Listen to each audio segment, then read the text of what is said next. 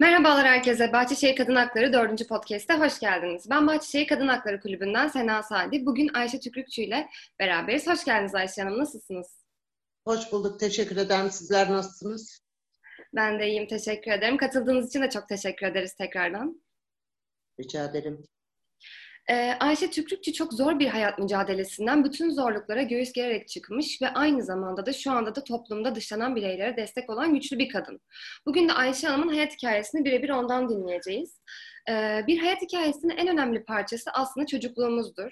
Sizin gibi güçlü bir kadının hayat hikayesinde çocukluğundan itibaren dinlemek isterim. Ayşe Tükrükçü kimdir? Ya şimdi şöyle e, hani lafa girmişken şuna değineyim. E, biz 2021'deyiz halen de kadınların yaşadığı güçlüklerden konuşuyoruz. Aslında biz artık bunların tamamıyla kapağını kapatıp da önümüzdeki sürece nasıl bakacağız, nasıl edeceğiz? Evet Ayşeler bunları yaşamış ama e, Ayşeler bundan sonra yaşamasın diye ne yapabilirsin derdine düşmemiz lazım.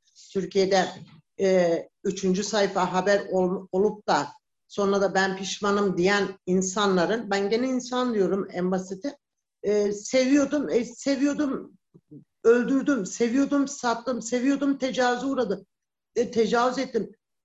Ya biz halen de e, acı çekenleri konuşuyoruz. Acı verenlerde hiç ne yapıyoruz onlar için? Adam pişmanım. Neye pişman? Tamam o kadar çok hani benim e, çektiğim acıları veya benim yaptığım pislikleri görmek istemiyorsan alırsın silahı çok istiyorsan yanakine silahı da karşı kendini öldür kurtul. Daha 20 sene ben senin daha cezaevine veya bir e, tecavüzcünün beslenmesine niye destek olayım ki? Ne?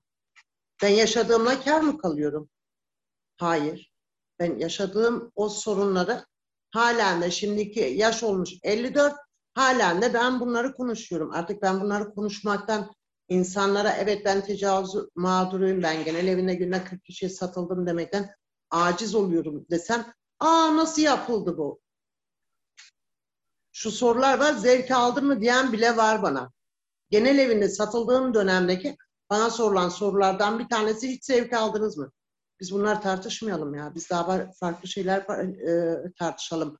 Farklı hayatlara bakalım. Evet illaki bu hayatı yaşayıp da sizin karşınızda geçip de bunları anlatmam çok hoş değil. Benim için de değil, sizin için de değil. Çünkü şunu diyebilirsiniz. Aa, ben 20 yaşındayım, benim dönemimde bu yoktu. Senin döneminde de sen şu anda 20 yaşındasın.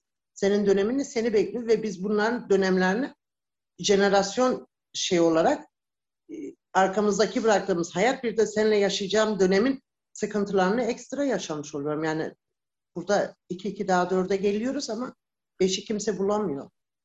Onun için hani e, buna öncelikle bir cevap vereyim dedim. Can. Dükkanın içerisinde olduğum için e, can yoldaşlarıma da hemen böyle e, benim için bu cümleler duyduklarında kırıldıklarını biliyorum. Ben gülüyorum ama onlar benim için kırıldı, kırılıyorlar, isyan ediyorlar. E, neden sizler bunları yaşadınız tepkisini veriyorlar aslında. Ee, dediğim gibi 67 doğumluyum. 1967'de dünyaya geldiğimde 74'te annemi gördüm. Annem Almanya'ya gitmişti. O dönem göçmen ailelerden, çocuklardanım. Ee, 76'da Özvöz amcamın tecavüzüne uğradım. Ee, ve hayatımın e, en acımasız insanlar diyor ki nasıl hatırlıyorsun? Allah kimseye yaşatmasın. Yaşadığın zaman o acıları asla unutamazsın ve bu bir defa, bir defa değil maalesef aylarca sürdü. Ee, tamam ben her şeyi unuttum. Her şeyi kapattım. Ön tarafta yaşadığım her şeyi kapattım ama her duşa girdiğimde e, elim bu tarafa attığımda o gece ait bıçak izi var. Hatta geçen sene tutturdum ben orayı kapatacağım, dövme yaptıracağım falan. Hayır, istediğim kadar ben o dövmeyi yaptırayım, o yaranın üstünü kapatayım. Ben orada bıçak izi var, onu biliyorum. Ee, şu döneme baktığın zaman geçmiş dönemle bugüne baktığımız zaman tecavüz tecavüzdür. Çocukların hakları nerede? Eğitimli ailen çocuğu da tecavüze uğruyor. Kız erkek hiç fark etmiyor. Ee, eğitimsiz ailenin çocuklar da tecavüze uğruyor. Keşke o tecavüze uğrayan Allah kimse uğrattırmasın. Gene ben orada da isyan ediyorum. Bizler tecavüze uğrarken Allah neredeydi diye de dile her zaman getiririm ve insanlara gülerim. Bana derler ki ateist misin? Hayır değilim Allah yok arada var ama e, bizler tecavüze uğrarken o tatile gitmişti diye de espri yaparım. Yani acımı paylaşacak Allah da yanımda yoktu. O acıyı senelerce o pisliği yani öz öz babamın e, abisini senelerce de yaşattı. Yaşattı. Ve ben şu anda bile Türkiye'de tecavüze uğradım. Aylarca bunun maruzuyum. Aylarca ben o işkencelere maruz kaldığımda halen de Türkiye toplumunda bunu dile getirmeyen bir yığın insanımız var. Burada kız erkek fark etmiyor. Benim jenerasyonum şu anda dediğim gibi 54, 67 jenerasyonuyum. Benim dönemimde benden bir gün önce, benden bir gün sonra, benden bir yıl önce, benden bir yıl sonra tecavüze uğramış o kadar çok insan var ki bunu çok rahat biliyoruz. Bu da açlıktan mı geliyor, zihniyetten mi geliyor, eğitimsizlikten mi geliyor? Halen de e, biz Türkiye'de okuma yazmak için, eğitim almak için para harcıyorsak, eğitimin de parayla oluyorsa biz o yüzden halen de Avrupa'yla şöyle dönüp baktığımızda e, ben çok rahatlıkça 40 senelerin kimi insanlar 5 senedir, kimi insanlar 50 senedir biz daha halen de gerideyiz. Çünkü başka ülkenin çocuklarına tecavüz, yani Avrupa ilerlemiş devletlerin insanları tecavüzün e, çok suç olduğunu biliyor. Ama biz halen de bunu e, kişi olarak da dediğimiz şudur. E bu saatte sokakta ne işin vardı? E şunu yapmasaydın tecavüze uğramazdın. Ama tamam da e, bir toplumuz eşeğe tecavüz ediliyor ama eşeğe sorulmuyor. Niye tecavüze uğradın diye sorulmuyor. Ama ediliyor. O da hayvan, o da bir can yani. Yani hayat kolay değil. Ve bunlarla yaşamak hiç ve hiç kolay. Tacize uğramak da kolay değil. Ee, kelimeyle şiddet içerikli cümleler duymak da kolay değil. Ama bedeninden beden gittiği zaman o çok daha farklı bir şey. O çok daha farklı. Ve bunun ilacı yok. Bunun tedavisi yok. Ne Türkiye'de ne dünyada. O tecavüz mağduru ölene kadar o acıyla beraber yaşıyor. Ee, istediği kadar doktora gitsin tedavi olsun. Bunun tedavisi. Yok yani. Ben görmedim. Keşke görebilseydim. Yani bunlar için psikologlar var, psikiyatriler var ama hiçbir ilaç benim yaramı iyileştiremez. Çünkü benim neyim gitti? Onurum mu gitti? Şerefim mi gitti? Namusum mu gitti? Hayır benim hiçbir şeyim gitmedi. Benim elimde giden sadece ve sadece çocukluğum. O çocukluğumu kimse bana geri getirip veremez. Ee, yaşadığınız bu ağır şeylerin üzerine bir de sanırım e, sağlığınızda bir sıkıntı yaşamışsınız. Bir kanser geçmişiniz olmuş. Bu süreçte nasıl mücadele ettiniz? Ben rahim kanserine yakalanmadan önce rahim ve bağırsak bağırsak son dönem tedavi.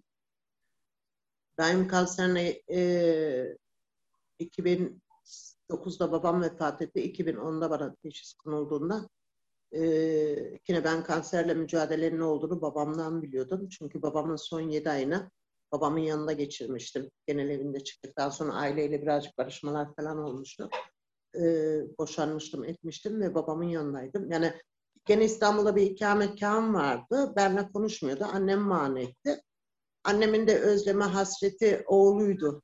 Yurt dışına Almanya'da kalan kardeşim de. O da cezaevindeydi. O da çok ayrı bir şeydir tabii ki e, oraya gitmek için babama mani arıyordu. İşte oram ağrıyor, buram ağrıyor. Annem şu anda ben çok suçluyorum bu konuda. Yine hastanede yatıyor. Umurumda mı? E, bir tarafta. Yani yüzde 99 umurumda değil ama yüzde biri tabii ki gene anne hastanede diye diyorsun.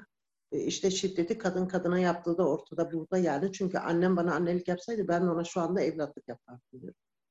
Ama çok değer verdiği kardeşim, çok değer verdiği kardeşim e, benim engelli abimin maaşını yiyen kardeşim, onun parasıyla engelli abimin e, parasıyla ayakta duran kardeşim, kira vermeden oturan kardeşim, annesinin yanına gene gidemiyor.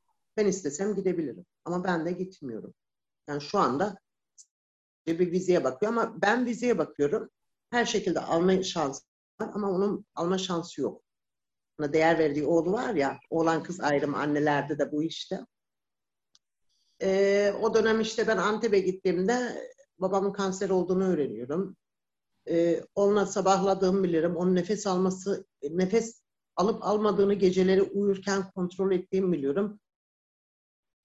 Ve artık onun e, ne kadar da günü uzatmaya da çalışsam acısıyla onu e, bir gün daha yaşatmak için verdiğim mücadelede yani o sürecinde e, ne olduğunu biliyordum. Babamın çektiği acıları biliyordum ama ben o dönem rahim kanserine yakalandığımı bilmiyordum.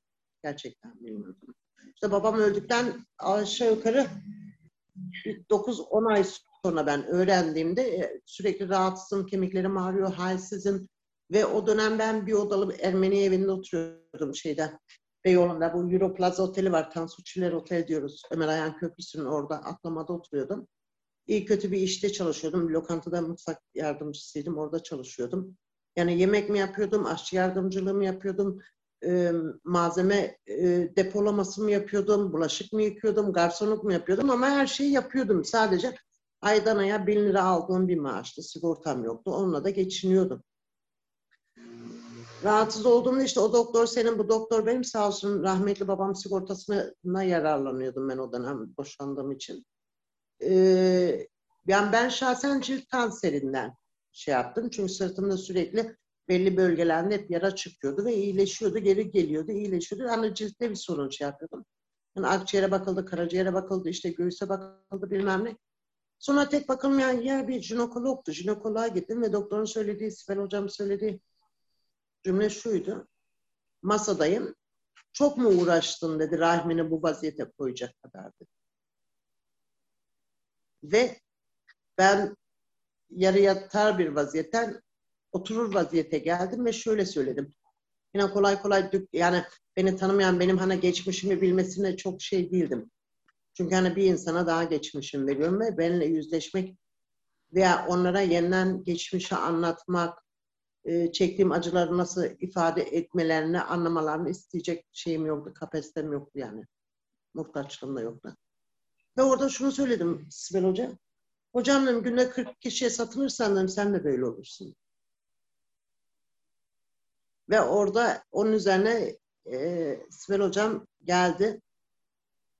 E, bir hastası boynuma sarıldı ve şunu söyledi. Ben sizi televizyonda tanıyorum Ayşe abla dedi. Yani Ayşe Hanım'dan çıktık. Ayşe ablaya geldik o anda. E, ben biliyorum dedi. Bir şey söylemene gerek yok dedi. Elimde ne geliyorsa dedi sana destek vereceğim dedi. 2-3 muayeneden sonra da tayini çıktı Antep'e. Nereye gittiyse ben zaten hocamın arkasına gittim. Çünkü e, sil baştan bunun şeylerini şey yapmayacaktım. İlaçları alamıyordum. Sağ olsun Sibel Hoca bana kargoyla gönderiyordu. Çünkü e, kanser e, ilaçları çok pahalı olduğunu herkes biliyor. De, devlet burada sadece e, vermidonu parolu acı, yazıyor. Ama geri kalan kanser ilaçlarının hiçbirini e, reçete karşılamıyordu. Sağ olsun Sibel Hocam orada e, o dönem çok şey yaptı. Sonra da Ayşe dedi ameliyat ol dedi. E, olur mu hocam dedim. İşte 100 lira senden aldım. 500 ondan aldım. 300 ondan aldım. Borç para alarak. Gittim ilk sağ yumurtalığı verdim. Rahime verdim. Sonra sol yumurtalığa geldi. Ve tek her defasında e, hocama şunu söyledim. Hocam dedim Vallahi Allah şükür ben tokum dedim. Ankara'daki köpekleri açmıştım. Parçaları oraya gönderiyorlar. Çünkü şeye patolojiye gidiyordu. Yani yasa çıkmayan insanlıkta yasa e, senin benim için yasa çıkartmayan bir meclise laf atmış oldu. Açlarmış parçaları oraya gönderdik. Doysunlar. Yani kolay değil ya. Ben kendimle gırgır geçiyorum okulda.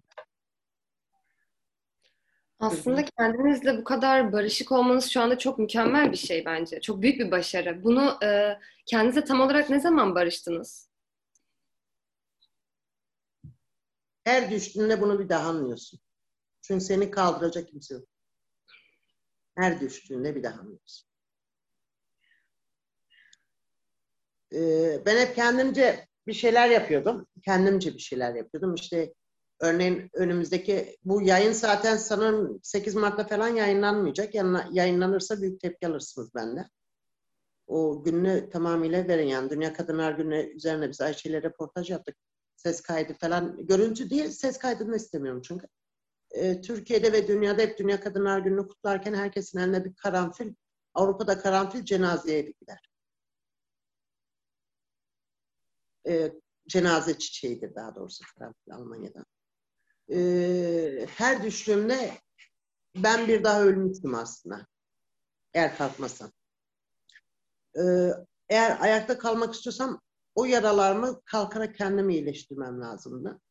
Onun için de e, işte dediğim gibi bu süreçte 8 Mart'larda şunlarda bunlarda inat ettim. Ya dedim sizler bizi diri diri o mezara gömerken rastgele bir elime de e, yani dernekler de olsa tepkim o konuda çok büyük. Onlar da biliyorlar. Zaten beni tanıyanlar biliyor.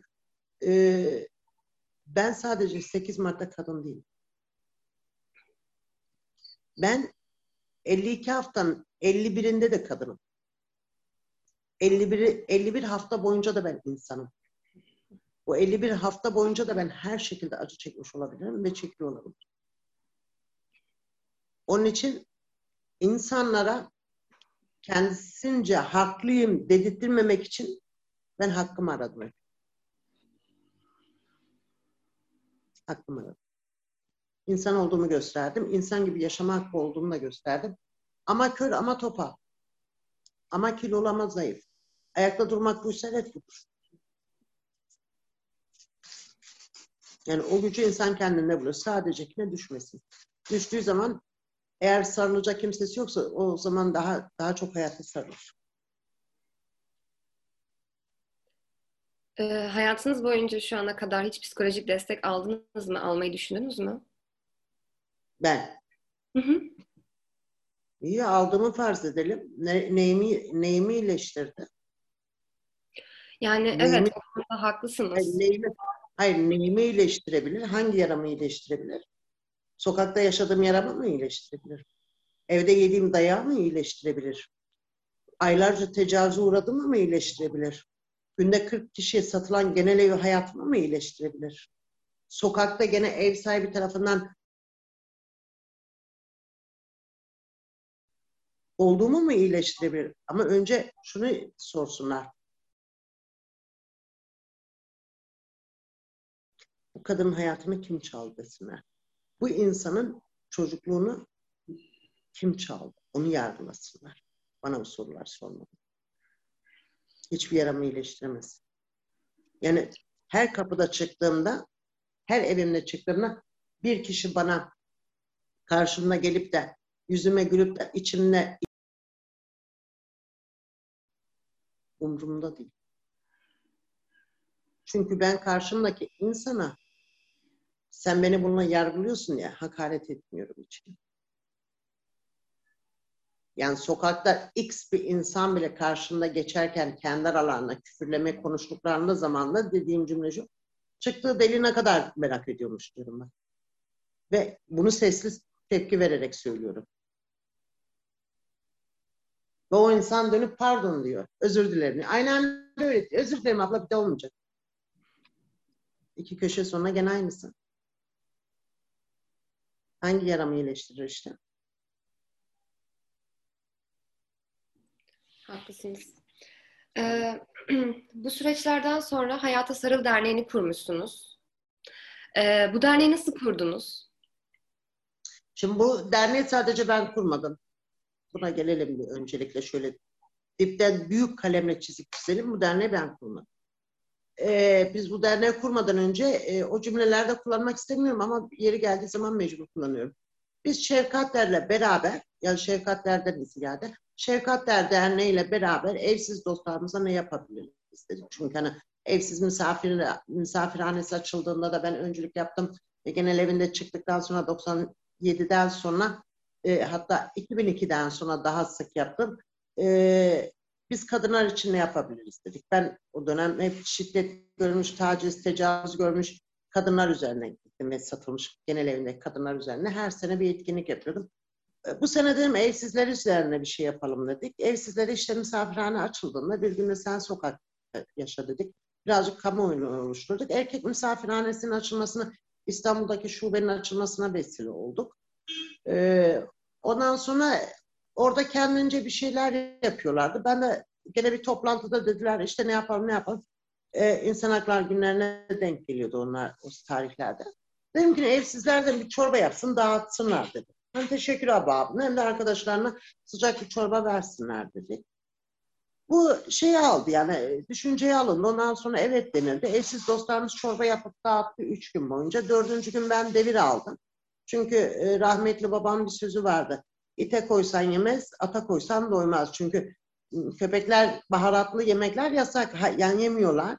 E, atın da midesi geniş bir senin benim içtiğim çorba kadar çorbayla doymazlar. Aslında şeydir yani atasözüdür. Ondan sonra çorbanın başına geçtim. O dönemler işte e, çorba yaparken şimdiki dernekte Hayatı Sarıl Derneği'nin gönüllerinde Cemil Bey, Can Bey, Elçin, Gamze e, orada tanıştık. E, ve iki seneye yakın bir süreç boyunca da gece gündüz ilk bir sene 365 gün ben bu çorbayı hem yaptım hem dağıttım. Sene dolunca da dedim ki artık ben hani kamuoyuna oluştu, insanlar biraz daha şey oldu. Benim yerime başkası yapsın dedik ama hep de şu vardı. O dönem mesela Can okula gidiyordu, Cemil okula gidiyordu, Elçin çalışıyordu, Gamze çalışıyordu. Ben bir nevi kendi ayaklarımın üzerinde durmaya çalışıyordum. Yani ama hasta bakıyordum, ama yemek yapmaya gidiyordum, ama temizliğe gidiyordum. Ama yapıp gelip de e, çorba yapıyorduk. Ama evsiz hiçbir şekilde dile gelmiyordu burada. Evsiz işte e, kıyafet getiriyorlardı arkadaşlar sağ olsunlar işte battaniye lazım battaniye getiriyorlar, yorgan lazım yorgan getiriyorlar, çorap lazım çorap getiriyorlar. Evsiz gene evsizdi. Bunun üzerine dedim ki ne? Ya dedim ben çalışıyorum bunlar da çalışsın. Cümlesini her zaman arada getirdik. Böyle boş binalar gördüğümüzde kendi kendimize hepimizin bir hayali vardı. İşte şunu yaparız, bunu yaparız diye. Hani ben e, mutfak işini anladığım için kendimce hani ev yemekleri yaptığım için ya dedim işte küçük bir lokanta atsak işte orada da evsiz de çalışsa işte ben de çalışsam işte maaşımız olsa işte e, tamam ben orada demirbaş kalırım gelen evsizleri işte mutfak eğitim falan verdiririz topluma kazandırırız diye. 2017'de biz çorbada tamamıyla elim ayağım çekmiştim ben bir sene öncesinde çekmiştim. Ee, o vasıtayla dedik ne yapalım ne yapalım kendi şey, çabalarımızla bir şeyler yapmaya çalıştık. Sonra belediyelere gittik. Belediyeler örneğin dedik ya bende kayıtlı evsiz yok. Geri zekalı zaten evsizin kaydı yok. Ne diyeyim yani. Öbür belediyeye gittik. İşte sen e, buraya bulaşma. Sen git Taksim'de et ben sana her ay 50 bin lira veririm bağış yaparım dedi. Bu da Beşiktaş eski belediyesi. İşte buradaki de evsizleri işte kabul görmedi. Onun üzerine biz dedik ki ne biz o zaman orada burada hiçbir şey değil. Ee, bir büyük bir etkinlik, gastronomi etkinliği vardı. Oraya davet edildim konuşmacı olarak. İşte hem hayatımı hem çorbayı hem de yaşamak istediklerimizi. Orada herkes gastronomi şeyiydi. Sağ olsunlar orada sonunda Grundig bize biz sizle bir şey yapmak istiyoruz dediler üç e, proje istediler. Proje büyük geldi. Sonra yılbaşı hediyesi olarak yaptıkları hediye alacak paraları bağış olarak 10 bin lirayı bize bağış ettiler. Onunla işte biz geldik Beyoğlu'ndaki e, hatta Şefkatler'in ofisin yakın bir yer. Çorbayı dağıttığımız e, şeyler, mekanlara yakın yerlerde. Geldik burayı tuttuk. E, şey yaptık, derneği kurduk pardon. Şubat'ta derneği kurduk 2017'de. Nisan'da burayı tuttuk. Burası tamamıyla bağışlar ve sponsorlar üzerine geldi. 7 ay sürdü burayı açmamız. Yani Beyoğlu'nda ne kadar en basit örnek e, şöyle vereyim. Ne kadar elektrikçi varsa bizim dükkana girdi. Hepsi birbirinden daha güzel iş yaptı ama her defasında daha beter bize elektrik çarptı. Yani işini bilen insanla iş yapsaydık e, biraz da bizi anlamış olsalardı bu kadar süreçte o masraflar yapılmazdı. Yani 10, 11. ayda açmazdık da 9. ayda açardık, 7. ayda açardık. Tamamıyla bağışlarda olduğu için işte kimi bir baktık 10 lira bağış geldi, bir baktık 50 lira bağış geldi. Ee, böylesiyle 2017 Kasım'da Hayata Sarı lokantasını açtık. Ee, evsizler hemen tıklama seni buldular mı? Evet buldular. Çünkü burada kapının önünde duruyordum e, tadilat olduğu süreçte işte açacağız açacağız ama tarihi sürekli veremiyorduk. Çünkü habire erteledik çünkü maaş geldikçe bir şeyler yap, yaptığımız için. 2 Kasım 2017'de Bismillah dedik ve dükkanı açtık. O dönemde burada evsiz dostlarımız çalıştı. Şu ana kadar benimle beraber 7 tane evsiz çalıştı burada. 6 tane evsiz çalıştı ve e, aralarında bir sene, bir buçuk sene çalıştırdıklarımız da oldu. E, kendi işlerinde yani mutfaktan alıp da örneğin Rafet e, bu pandemiden önceye kadar pandeminin ilk üç ayı da öyleydi. Konya'da esnaf lokantasında çalışıyordu. Yani bir şekilde gene ayakta durmalarına vesile olduk. Onlara yani e, geçmişle geleceğin arasındaki terazi olduk. Ee, Böyle bir proje, böyle bir projenin içinde bulundunuz. Ee, Bu kadar insana aslında gerçekten de belki tekrardan yaşama tutunmalarını sağladınız. Bunlar size neler hissettirdi? Ya şöyle bir şey var. Biz bu lokantayı açtıktan sonra tesadüf eseri adamın biri geldi ve benim bedenimi satın aldığını anlatıyor bana. Yüzme bakarak. O dönemde gene bir kanala çıkmıştım veya bir gazete haberine çıkmıştım bilmiyorum. Ee, yüzüme baka baka dedi ki ne sen de Antep Genel Evi'nde çalışmadın. Antep Genel Evi'nin içerisinde anlattığı için işte sağdaki üçüncü ev, işte ikinci kattaydı senin odan, işte ön bahçeye bakıyordu. Çünkü hani burayı odaya girmeyen, odayı bilmeyen onu, anlatamaz. Çünkü ben bunu hiçbir zaman dile getirmemiştim.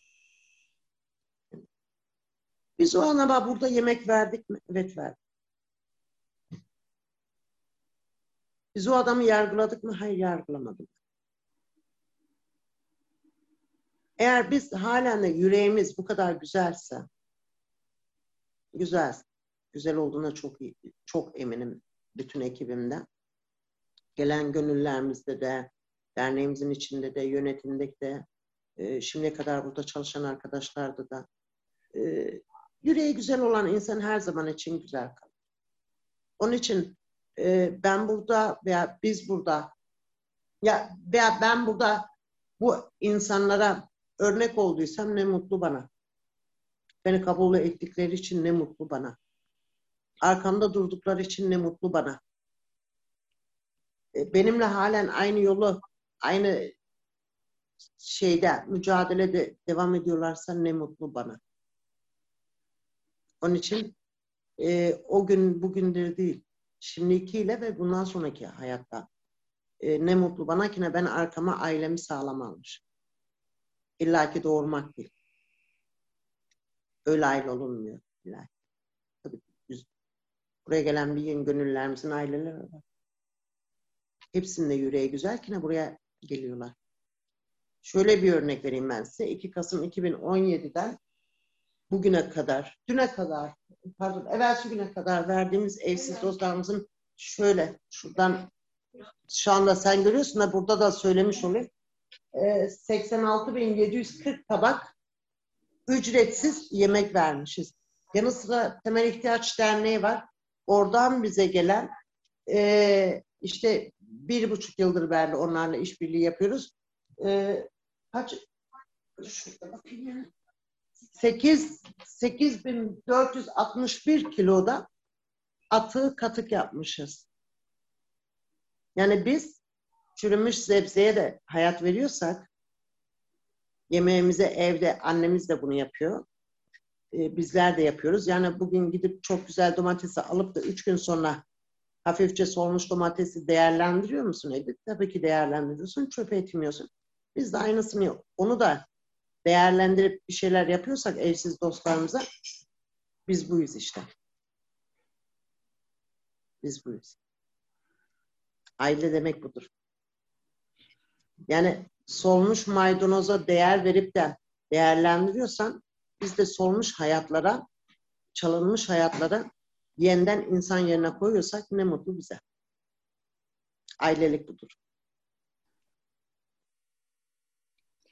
Ee, hayatla olan bu mücadelenizde sizinle aynı mücadeleleri yaşayan kadınlara hani ne söylemek istersiniz bu konuda? Kimse kimse mezarlığına gömülmesin derim. Onlar da gömülmeyecek. Ee, sadece ellerini şuraya koyup da ben pes ettim demesinler. Bugün pes edebilirler ama yarın hayat gene devam edeceğini biliyoruz. Devam edeceğini biliyoruz. Onun için hiç sıkıntı olmaz. Bugün aç yatarız sorun değil. Bugün soğukta yatarız o da sorun değil. Önemli olan kendi hayalini kendisi kapatmaması.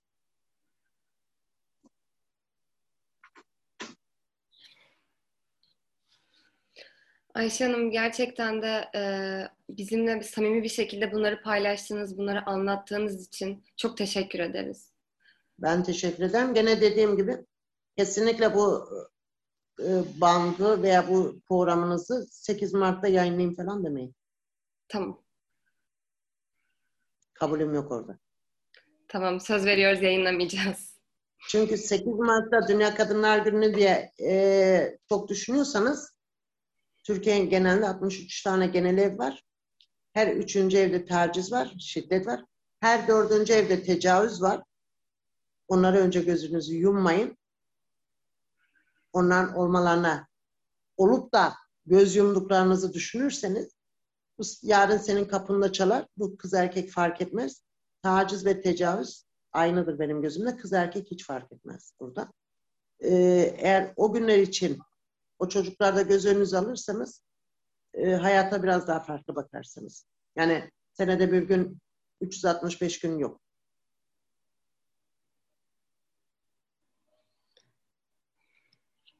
Eminim ki dinleyenlerin de bizi 8 Bunu Mart.